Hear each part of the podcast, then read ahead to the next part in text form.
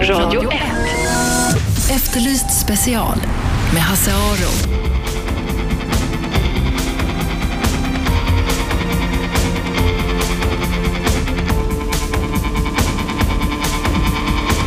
Det här är Efterlyst special, ett program som kommer att handla till stor del om en person som egentligen inte skulle leva längre. En ung kvinna som med alla mått mätt egentligen borde varit död. Jag vill prata alltså, med hela Sverige om det egentligen. För att jag vill inte att någon annan tjej som jag ska någonsin få åka ut för samma grej som jag åker ut för. Den ni hörde är 21-åriga Emma Pettersson från Kristianstad. För två år sedan blev Emma brutalt misshandlad av sin pojkvän Kasper Elkaisi Östlöv på ett fält utanför centrala Kristianstad. Han var så svartsjuk att han fullständigt och systematiskt slog henne sönder och samman och när han hade gjort det så skar han henne i underlivet och i ögonen med kniv. Emma överlevde mirakulöst och togs in på sjukhus. Från början kunde hon ingenting. Hon kunde inte andas, hon kunde inte äta, hon kunde inte gå, hon kunde inte prata. Allting har hon fått lära sig igen. Nu har det gått två år och nu vill hon berätta sin historia. Ni såg henne i Efterlyst tv-programmet igår och ni kommer att få höra henne i radio idag. Historien om Emma började 2009. 2010 gjorde vi i tv-programmet Efterlyst ett reportage om henne. Och jag kommer att eh, sända delar av det reportaget här nu. Reportaget börjar med att Emma träffar Kasper. Kärleksrelationen mellan Kasper och Emma inleddes vintern 2009. Så här berättar Lina, en av hennes bästa vänner, om hur det började. Hur träffade hon Kasper? Eh, Hon träffade honom i skolan. Typ, jag tror det var han och hans kompis de höll på med något skolarbete. De skulle ta kort. Och då träffade de på Emma i korridoren och frågade om de fick ta kort på henne. Jag vet att Emma var jätteglad över honom.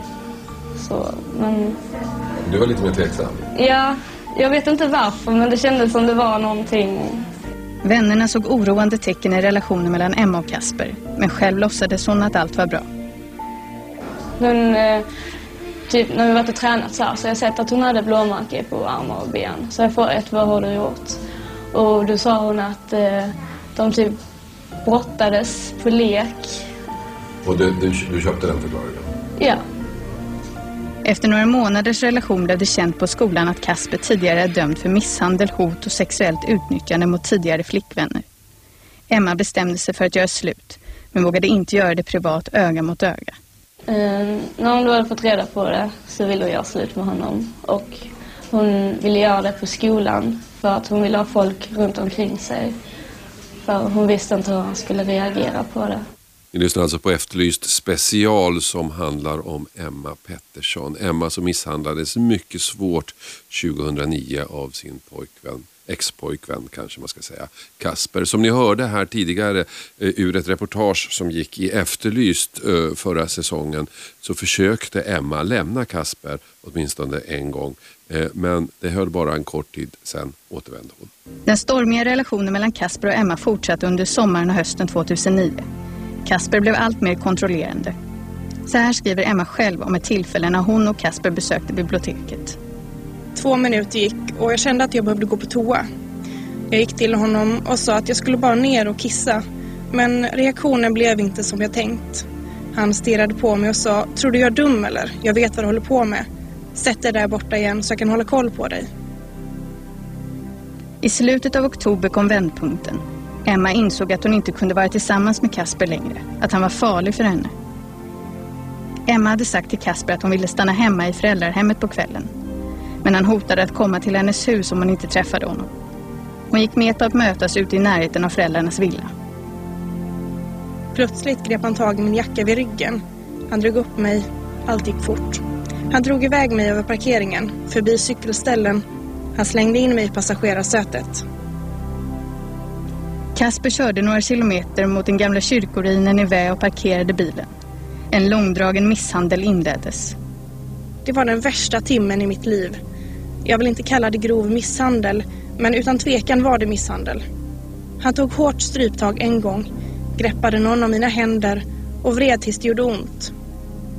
Efter ungefär en timmes misshandel öppnade Kasper bildörren och släpade ut Emma på marken. Han försökte dra iväg mig mot ruinen. Jag grät som bara den. Jag bad honom att jag inte vill bråka. Jag kämpade tillbaka. Till slut blev det åter lugnt. Det slutade med samlag. Jag skulle nog kalla det för våldtäkt, för jag hade inget att säga till om. Emma insåg nu att hon måste få omgivningens hjälp att komma ur situationen. Hon berättade för sina vänner om misshandeln och våldtäkten. Det började med att hon sa att hon ville snacka med en kvinnojour eller någonting sånt. Och sen förklarade hon då varför. Det blev bestämt att Emma och bästa kompisen Lina skulle besöka kvinnojouren. Men de hittade inte adressen utan gick till ungdomsmottagningen istället. Där fick hon hjälp med att polisanmäla Kasper. Men bemötandet blev inte vad de hoppats på. Hur, hur reagerade polisen? Det var lite... Man kände att han kanske inte trodde riktigt på det. Ja, alltså jag kommer ihåg att vi stod utanför polishuset någon av de dagarna när vi var där och anmälde det. Och då kände man att det kommer att hända någonting. Både jag och Emma vi stod där och snackade om det och båda sa det att det känns som det kommer att hända någonting nu. Vi lyssnar på Efterlyst special i Radio 101,9 i Stockholm. Jag heter Hasse Aro. Det ni hör är ett reportage från tv-programmet Efterlyst som handlade om Emma Pettersson. Emma som för två år sedan misshandlades nästan till döds av sin pojkvän Kaspar El-Kajsi Östlöv på ett fält utanför Kristianstad. Ni kunde se Emma i tv igår intervjuas och ni kommer att få höra henne här lite senare också. Som ni hörde i det här reportaget så gjorde Emma alltså slut med Kasper den 3 november 2009 efter att han både misshandlat och våldtagit henne. Och det var en lättad Emma som eh, gjorde slut. Det kunde vi se i hennes blogg samma kväll. Då skrev hon så här. Vilken dag! Idag var jag starkare än jag någonsin väntat mig. Jag trodde aldrig jag faktiskt skulle ta det här steget. Idag drog jag ett streck. En tydlig gräns som ska för all framtid påminna mig om att jag accepterar inte under några omständigheter det jag fått uppleva på sistone. Ja, så skrev alltså Emma i sin blogg den dagen hon har gjort slut med sin pojkvän Kasper. Men precis som hon hade befarat var inte historien slut där och hennes glädje varade bara tre dagar. Den 6 november på förmiddagen så skjutsade hennes pappa henne till körskolan. Han kände till historien med Kasper och ville skydda henne. Han släppte av henne ett par minuter innan lektionen skulle börja. Men Emma kom aldrig in på körskolan. För i samma ögonblick som pappan lämnade platsen så dök Kasper upp, tvingade in Emma i bilen, körde ut henne till fältet där han sen misshandlade henne så grovt, så systematiskt, så hänsynslöst, så bortom all beskrivning att hon borde ha dött. Allting gick mycket snabbt den här dagen för Emmas pappa fick väldigt fort reda på att hon inte hade kommit till lektionen. Han larmade polisen så i samma stund som misshandeln pågick så gick larmet och polisen började leta efter Kasper. Efter misshandeln åkte han i bil hem och blev stoppad av en polispatrull som alltså var på jakt efter Emma. Och Kasper gav upp direkt och sa att han skulle samarbeta. Så här berättar en av de poliser som var med och stoppade honom. Och jag öppnar dörren och min kollega öppnar också dörren på sin sida. Och ser då att det är den misstänkte. Och jag ser också att han är alldeles blodig. Förstår ju rätt så snabbt att detta är ju jätteallvarligt. Och säger åt min kollega att ut med honom ur bilen. Och sen ropar jag på 5930 larmambulans som åker ut. Vi återkommer med exakt plats snart vi kan. Sen så kör jag och där är det blåljussirener På vägen ut hit mot Lingenäset. Eftersom min kollega hela tiden sitter och, alltså vad är det som har hänt, vad har ni gjort med henne och så vidare. Så säger liksom att jag, hon är ett problem och jag måste lösa det liksom. Det, Gud får bestämma. När man kommer igång så vet man inte vad man gör efter ett tag. Det är alltså Kasper själv som visar polisen var de kan hitta Emma sönderslagen, misshandlad och döende. Och det är en fruktansvärd syn som möter polismännen när de kommer till platsen. Vi hör här när en av polismännen under rättegången berättar vad som har hänt. Vi hör här att han knappt kan hålla sig samman. Så ligger en ung tjej då på ryggen, eh, raklång. Hon är då fullständigt sönderslagen ursäkta. Eh, ja, som sagt, hon ligger där på ryggen. Eh, hon är blodig i hela ansiktet. Hela ansiktet är jätteuppsvullet. Helt medvetslös, helt okontaktbar. Då ropar Carolina att hon andas inte. Hon tar ut en pocketmask och jag sätter på den här masken och försöker blåsa. Men känner direkt att det kommer inte ner någon luft. Det är eh, helt stopp. Kinderna utvidgas direkt. Det är helt stopp. Läpparna börjar bli blåare och blåare. Så vi tar tag i tungan och drar ut den så mycket vi kan för att eventuellt få några fria luftvägar. Men det kommer inte ner någon luft då heller riktigt. Eh, vi håller på där, vi ändrar vinkeln på nacken lite till. Och då går den väl ner kanske ett halvt andetag eller något sånt. Hon får i sig lite luft i alla fall. Och i det läget så blir ett djupt rossligt andetag. Så berättar alltså den polisman i rättegången om misshandeln av Emma Pettersson. Emma som hittades sönderslagen på en åker utanför Kristianstad för ganska exakt två år sedan. Pojkvännen Kasper L. Kajsi Östlöv dömdes till 12 års fängelse för grov misshandel och försök till dråp. Ett ganska, eller ett väldigt hårt straff faktiskt. För Emma började nu en otroligt mödosam Eh, väg tillbaka. Hon kunde inte äta, hon kunde inte prata, hon kunde inte gå, hon kunde inte ens andas själv när hon togs in till sjukhuset. Idag har det hänt väldigt mycket. Så här säger Emma idag om hur hon mår. Idag mår jag jättebra. Alltså rent psykiskt mår jag bra. Fysiskt mår jag inte riktigt lika bra. Jag har vissa, många men kvar. alltså bland annat, jag har ju konstant hosta som ni säkert hör. Och det är inte någon vanlig förkylningshosta eller något sånt fjump. Utan det är liksom, jag hostar konstant. 24-7. Alltså varje timme hostar jag. Förutom just när jag sover. För då, men jag tror nästan att det, alltså jag tror att det kan ha någonting med att jag talar på fel sätt. Alltså att jag får inte talet ifrån magen utan mitt tal kommer nu ifrån halsen så det irriterar som fan i halsen på mig. Sen har jag synen, synbortfall på höger öga, alltså på båda ögonen egentligen men, men det har ett höger synfält är borta. Så jag ser inte min hand nu till exempel. Jag ser inte den. Och sen, så, och sen i gången också. När jag går så, jag sätter väl ner fötterna lite fel när jag går. Och sen viker sig knäna hit och dit ibland och så. Men det är någonting man får jobba med musklerna. Och jag tränar upp mina muskler varje dag. 21-åriga Emma Pettersson som alltså misshandlades in till dödens gräns på ett fält utanför Kristianstad för två år sedan. Ni lyssnar på Efterlyst special, radio 101,9 MHz. Hör mer om Emma och hennes väg tillbaka efter pausen. Radio 1. Efterlyst special med Hasse Aro.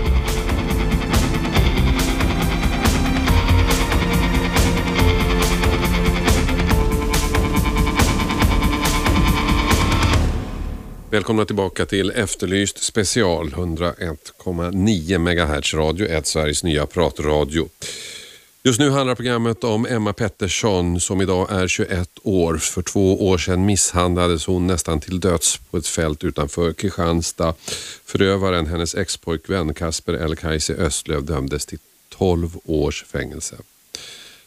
För Emma började en otroligt mödosam väg tillbaka. När hon togs in till sjukhuset kunde hon ingenting, inte ens andas.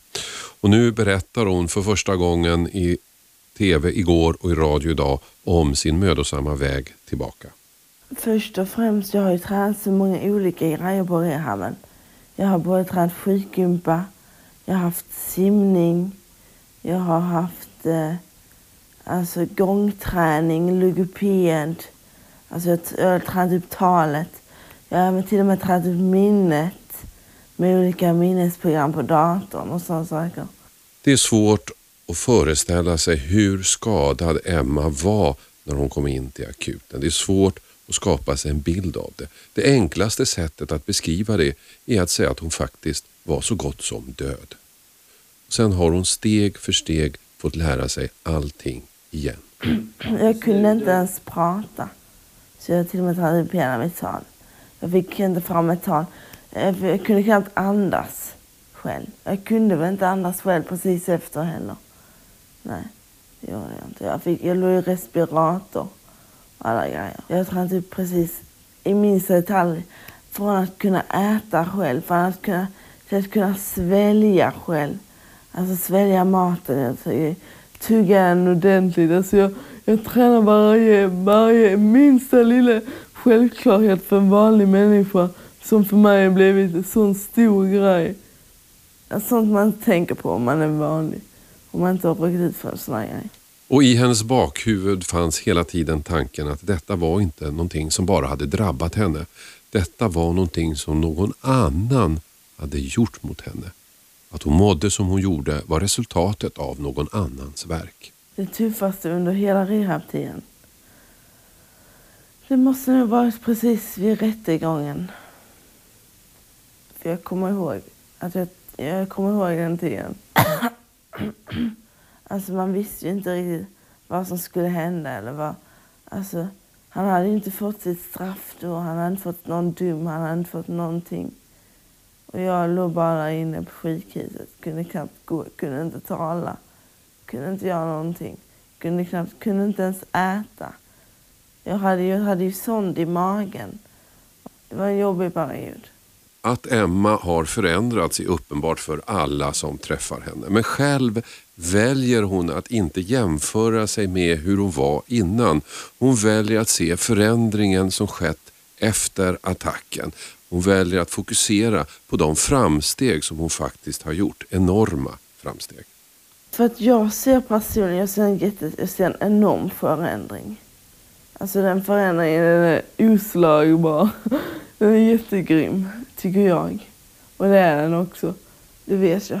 Rent fysiskt så, så kan jag inte säga att det är lika positivt som jag hostar hela tiden. Och, eh, allt de, alla de här menen jag har rent fysiskt. Men eh, alltså, den största förändringen det är nog att jag har förändrats som person. Och det är en stor positiv förändring. Alltså innan det här hände så var jag mer godtrogen. Jag hade, jag, alltså, jag var mycket godtrogen till alla människor. I princip nästan alla människor. Men idag så... alltså visst, jag har fortfarande väldigt många vänner. Men, men, eh, men ändå. Jag är verkligen inte alls lika godtrogen. Och jag drar en strikt gräns på vem som är vän till mig och vem som är, inte tillhör min vän. Ni lyssnar alltså på Efterlyst special Radio 101,9. Den, den ni hör är Emma Pettersson, 21 år gammal som för två år sedan misshandlades nästan till döds av sin pojkvän på ett fält utanför Kristianstad. Som ni hör så lider Emma fortfarande av men från den här händelsen även om hennes väg har varit otroligt lång och hon har gjort väldiga framsteg. Hennes minne har också påverkats förstås. Här berättar hon vad hon kommer ihåg från tiden före misshandeln. Från tiden när hon träffade sin pojkvän. Det enda jag minns från 2008 det är, det är egentligen att jag, jag, jag var så riktigt pluggis. Precis under, i hela trean ut. Liksom, hela gymnasiet tror jag att jag satt och påpluggade typ nästan hela tiden. Visst, jag hade väldigt goda betyg. betyg. Det hade jag. Men jag hade ändå inte så bra som jag hade hoppats på. Så jag visste exakt vad det berodde på, det här. Varför jag inte hade toppbetyg i de ämnena som jag ville ha det i och så. Kasper. Han tog all min tid i trean. Sen dagen jag träffade honom första gången till, till slutet. Kasper är en sån människa. Alltså han... träffar man honom så, så, så antingen så gillar man honom, älskar honom eller så hatar man honom. Jag föll för honom eftersom att jag aldrig någonsin tidigare i mitt liv träffat en sån människa innan. Så jag älskade honom eftersom att han, han visade att han brydde sig om mig. Och så, ja, ja. Men fast han kanske inte gjorde det, antagligen inte. Men, ja, det är svår, han är en sån svår människa. Och jag, han kändes som ett sånt mysterium som jag ville lösa liksom. Ja, Kasper var ett mysterium som Emma ville lösa. Idag är känslorna för honom av naturliga skäl helt annorlunda. Han är en sån människa man aldrig ska någonsin få lita på. För, var, I varje mening så finner man en lögn. Alltså han ljög om allting. Han ljög om precis allting. Han ljög om, om vad hans mamma kunde heta. Han kunde ljuga om... Alltså, I varje mening, i varje fråga man ställer till hans fanns det en lögn. Så att, såna, såna människor som, som försöker som aldrig försöker ge ett klart och tydligt svar. En sån människa får man akta sig för. Jag känner bara hat. Hat är det enda jag känner. Och det är, det är samma känsla som jag har känt sen första dagen när jag började minnas honom igen efter olyckan. Det har nu gått två år sedan Emma misshandlades. Hon har lärt sig andas, hon har lärt sig äta, gå, prata, minnas och få ett någorlunda normalt liv. Och som alla tjejer i hennes ålder så drömmer hon också om framtiden och smider planer. Ja, alltså jag vill ha barn. Jag ska ha minst en unge i alla fall. Nej men jo, men jo, jag vill ha barn. Man vill ha någon liten, någon liten unge som man känner att det är, det är min, alltså. Det är min skapelse, eller den här ungen har jag skapat typ till 50 procent. Men ändå, det är alltså, fan vilken fin känsla. Ja. Det här har varit underbart. 21-åriga Emma Pettersson i Kristianstad. För två år sedan var hon nästan död, så gott som ihjälslagen av sin pojkvän. Nu är hon på väg tillbaka och drömmer om en framtid. Ni lyssnar på Efterlyst special Radio 101,9. Vi är strax tillbaka. Radio 1. Efterlyst special med Hasse Aro.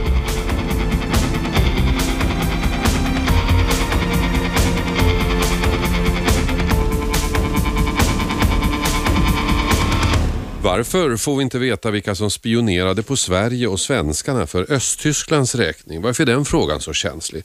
Har myndigheterna, eller rättare sagt människorna på myndigheterna, något att dölja?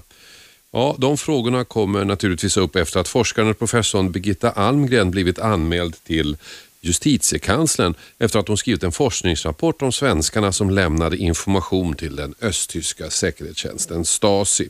I Tyskland är de här Stasi-arkiven numera öppna men här är det Säpo som bestämmer vem som får titta i dem, de svenska arkiven om Stasi-medarbetare alltså. Birgitta Almgren fick okej, okay, men nu när hennes bok har getts ut så tycker man att hon alltså gått för långt och anmäler henne till JK. Och det här tycker jag är mycket märkligt. Vad är det egentligen som är så känsligt? Jag bjöd hit Birgitta Almgren igår för en diskussion. Först började vi prata om vad Stasi egentligen var. Stasi var ju den östtyska säkerhetspolisen som inte bara bevakade de egna medborgarna utan det har visat sig nu genom forskning att de hade väldigt långa armar och Sverige blev ett tyngdpunktsland därför att Sverige låg i skärningspunkten emellan öst och väst och var därför oerhört viktigt. Dels att få stöd för att sprida en positiv bild av socialismen men också för att stoppa den här västintegrationen. Mm. Men när du säger underrättelsetjänst, jag menar det man idag, det som vi menar när vi säger underrättelsetjänst, det är ingenting det det handlar om. Det här var en väldigt stor apparat som hade koll på medborgarna i första hand. Ja, det var ju ett gigantisk apparat det här eh, med över 40 avdelningar och rapporter som sändes då ifrån Sverige Eh, de matades in i databaser och här kan vi i eh, Berlin i det här Stasi-arkivet se alla de här rapporterna som är inrapporterade. Från Sverige? Från Sverige. Eh, originalrapporterna har i många fall förstörts men varje rapport som har kommit finns med datum, vem som har sänt det, tecknamn finns, eh, vad den handlade om och det står också hur den här har Mm. Därför att Stasi hade egna analytiker som betygsatte och var en agent eh, opolitlig så skildes han direkt från sitt uppdrag. Mm. Det måste jag säga du, agent, Stasis eh, eh, medarbetare kallades inte för agenter. Det var bara väst som hade agenter. Mm. I öst kallades de för IM, inofficiella medarbetare. Det var en hederstitel. För de gjorde ju en insats för sitt land. Mm. Om vi bara ska fortsätta ge en liten bakgrund. Eh, Östtyskland var ju då en del av, av um, det kommunistiska väldet bakom järnridån. Men i Sverige i alla fall så var det inte alla som odelat såg negativt på Östtyskland. Östtyskland såg ut, så, ansågs av många vara ett föredöme mm. bland socialiststaterna och där, där funkade saker och ting och där hade man inte de här eh, repressiva åtgärderna som hade i många andra ställen utan mm. det sågs som ett föredöme, mm. eller hur? Ja, och det är det jag skrev om i min bok Inte bara Stasi som kom ut 2009. Och där visar jag på de öppna förbindelserna som vi hade med DDR på kultur och utbildningsområdet. Eh, men det var alltså de öppna förbindelserna. Mm. Och då så höjdes ju rösterna i Sverige. Vi vill ju också se de hemliga förbindelserna. Men eh, Säpo har ju i många år just hemlighållit de här dokumenten som har att göra med kalla kriget, just då Östtyskland. Men vårt forskningsprojekt då överklagade det här och eh, till slut så fick vi rätt då i regeringsrätten och då fick jag ensam som forskare tillgång till Säpos arkiv, mm. men bara under ett år. Och det var rätt märkliga förbehåll att jag inte skulle få tala med de personer som finns i, i akterna och jag får eh, helt enkelt inte kommentera det, inte ha någon som helst dialog och så ska jag förstöra mina noti notiser som det står då. Men du fick tillgång till Säpos arkiv, ja. men du hade också tillgång till arkiv i Tyskland? Ja, därför att det, det som jag upptäckte då, det var ju det att Säpo har bara en mycket liten del utav det här materialet. Eh, jag märkte att under själva DDR-tiden då hade Säpo väldigt bra kontroll över vad Stasi gjorde. De hade skickliga kriminalkommissarier. Men 2000-2001 när man gjorde den här utredningen utav tidigare fall så gick man inte till botten. Man använde helt enkelt inte de möjligheter man hade att från CIA begära ut de här viktiga Rosenholz-kartoteken säger alltså Birgitta Almgren, forskare och professor som fått tagit del av Säpos arkiv om svenskar som spionerade för den östtyska säkerhetstjänsten Stasi. Ni lyssnar på Radio 101,9 MHz Efterlyst special. Asaro heter jag och vi pratar alltså om svenskar som spionerade för Stasis räkning. I de här arkiven, eller i Säpos arkiv, så hittade Birgitta 53 personer. Jag har fått ta del av Säpos utredningar rörande 53 personer som har misstänkts för eh, Stasi-samarbete i varierande grad. Och det jag ser alltså det är ju eh, att det är inte alls fråga om i många, eh, sånt som har varit kriminellt. Men däremot så ser jag ju att de har spionerat på flyktingar, de har eh, lämnat uppgifter till främmande makt helt mm. enkelt. Och det var ju det här jag skulle undersöka. Det var det stödet jag fick av journalister och allmänhet. Och sen kommer jag med min forskningsrapport och då blir det en slags chockeffekt. Mm. Va, va, fanns det verkligen personer i Sverige som samarbetade med den här avskyvärda östtyska spionorganisationen? Och så plötsligt då så är det jag som kan ställas inför rätta. Mm. Men menar du att du har fått den reaktionen att folk frågar fanns det verkligen folk som samarbetade med Stasi. Det vet vi att det fanns.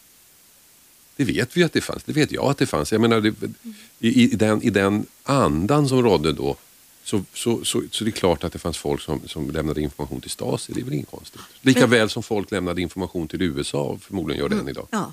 Men det var ju kalla kriget och eh, det är ju många som inte vill att den här historien ska berättas. Men du, är 53 personer som du har hittat mm. i arkiven. Varför just de här 53? Var det alla som fanns eller var det de som du fick tillgång till? Eller varför just de här? Det är de personer som blev föremål för en ny genomgång. För 2000 så krävde journalister efter att eh, Rosenholz eh, dokumenten hade överlämnats till Tyskland efter att de här SIRA-databaserna hade dechiffrerats så blev det ju rättegångar i Tyskland. Och eh, i Danmark tog man också upp det här. Och då frågade också svenska journalister hur är det i Sverige? Och då beslutade Säpo att göra en ny genomgång utav personer då som hade varit aktuella under en lång tid. Och jag har ju undersökt flera av de här fallen har har ju Säpo följt ända sedan 40-talet. Men det, det här säger ingenting om hur många det egentligen rör sig om. Nej, och det här är också, märker jag, ju glidande definitioner och jag är oerhört försiktig att tala överhuvudtaget om eh, agenter. Det, det var ju, jag använde ju Stasis terminologi, de var inofficiella medarbetare. Men många av de här som var misstänkta då visade sig bara vara då kontaktpersoner. Så det är varierande grad och det här är jag ju väldigt försiktig och visar att enligt dokumenten eh, här hos Säpo så står det så och när jag går ner då till eh, arkivet i Berlin så får vi veta så oerhört mycket mer. Det var ju till exempel en person här, eh, Jem König. Han försäkrade ju då för Säpo att han hade bara eh, meddelat, spionerat för om Västtyskland lämnat de uppgifterna. Och eh, Säpo godtog då hans förklaringar.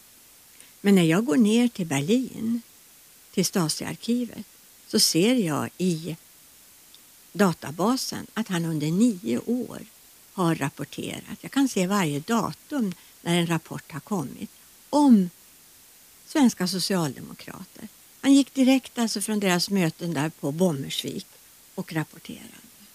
Du har ju mött motstånd kan man säga för att uttrycka sig försiktigt med, med, med din forskning. Du fick tillstånd av Säpo men sen när du publicerade så menar man att du har begått brott mot eh, ja, är någon lag och du är nu eh, anmäld till justitiekanslern. Varför har reaktionen varit så kraftig tror du? Ja, det är väldigt svårt att säga för att jag blev ju så förvånad. Här är det ju en seriös forskningsrapport som inte pekar ut utan bara visar vad som redan finns i arkiven. Men mina danska och tyska kollegor är inte alls förvånade för de menar att det är så här det går till. Det är så många som vill skrämma forskare till tystnad. Ja, men varför? Därför att de kanske har då intressen. Det kan vara de själva. Äh, agenterna vill inte naturligtvis. För här i min bok så ser jag till exempel en I.M. Thomas. Han deltog i avslöjandet av sina studentkompisar i Berlin. Studenter som krävde, ville ha yttrandefrihet, frihet i DDR. Och han får då rådet att bege sig till Sverige där ingen ställer eh, besvärliga frågor. Men de han hade varit med om att avslöja dömdes till fängelse i flera år. Upp till fyra år. Men tror du att de här spionerna eller agenterna eller informatörerna, de ska kalla det, tror du att de har sånt inflytande idag så att de kan stoppa insyn i arkiven? Nej, det tror jag ju inte. Men vad är det då som ligger bakom? Ja, det kan inte jag Varför säga. öppnar man dem inte bara? Ja, men nu är det ju intressant att eh, det har ju blivit en opinion att öppna arkiven. Mm. Och Beatrice Ask eh, talar nu med representanter för alla. Så sent som idag har de gått ut och sagt ja. att de ska försöka. Jo. De ska prata om det i alla fall. Ja, men alltså då säger man bara öppna arkiven. Stasi-arkivet i Berlin är redan öppet.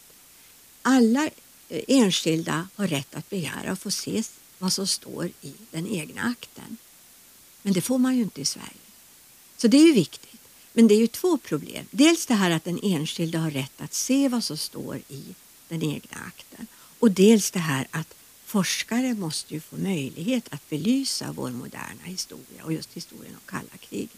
Och då är det ju flera, jag menar det är ju flera arkiv. Så att man måste komma ihåg att, att öppna arkiv, bara öppna Säpos arkiv hjälper ju inte. Tror du att det hade varit samma sak om du hade forskat kring eh, svenskars nazistiska kopplingar under kriget till exempel? Hade det varit lika känsligt? Nej, men ja, det var ju det jag skrev om i Drömmen om Norden. Och det var inte känsligt för då har vi fått distans och de flesta då aktörerna lever ju inte längre. Om nu arkiven öppnas och det blir total insyn, tror du att vi kommer att bli chockade över det vi har att se? Nej, därför att Säpo har så lite material. Mm. Det finns så lite där. Det är ju i Stasi-arkivet, den här tyska myndigheten, där finns ju oerhört mycket. Och så sen eh, hos CIA. Det säger alltså forskaren och professorn Birgitta Almgren som nu blivit anmäld till justitiekanslern efter att hon har skrivit en bok om eh, svenskar som informerade till östtyska säkerhetstjänsten Stasi. Efter pausen får ni höra vad Leif GW Persson tycker om mina konspirationsteorier som nu har växt på grund av detta. Så stanna kvar. Radio 1. Efterlyst special med Hasse Aro.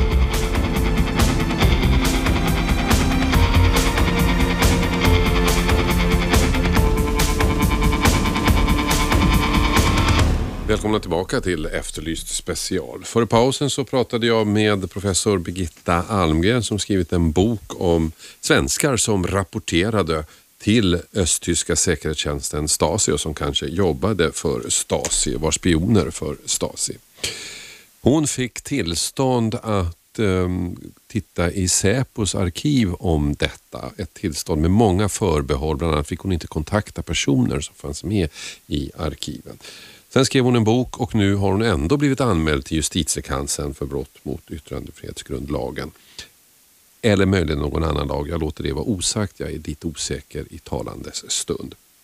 Och Det här har ju då väckt mina konspirationsteorier. Varför är det så känsligt att eh, forska i vilka svenskar som lämnade information till Stasi? Kan det bero på att en del av de svenskarna nu innehar andra betydligt högre positioner i det svenska samhället? Jag vet inte, det här är en tanke man leker med. Leif GW Persson skrev en bok 2003, lite grann på det här temat, En annan tid, ett annat liv, en kriminalhistoria som handlar då bland annat om en person i en hög politisk ställning men som i sin ungdom hade dubiösa politiska kontakter. Så jag ringde till Leif för att kolla om han eh, tror på mina eh, konspirationsteorier när det gäller Stasi-arkiven och vi började då naturligtvis att prata om den här boken.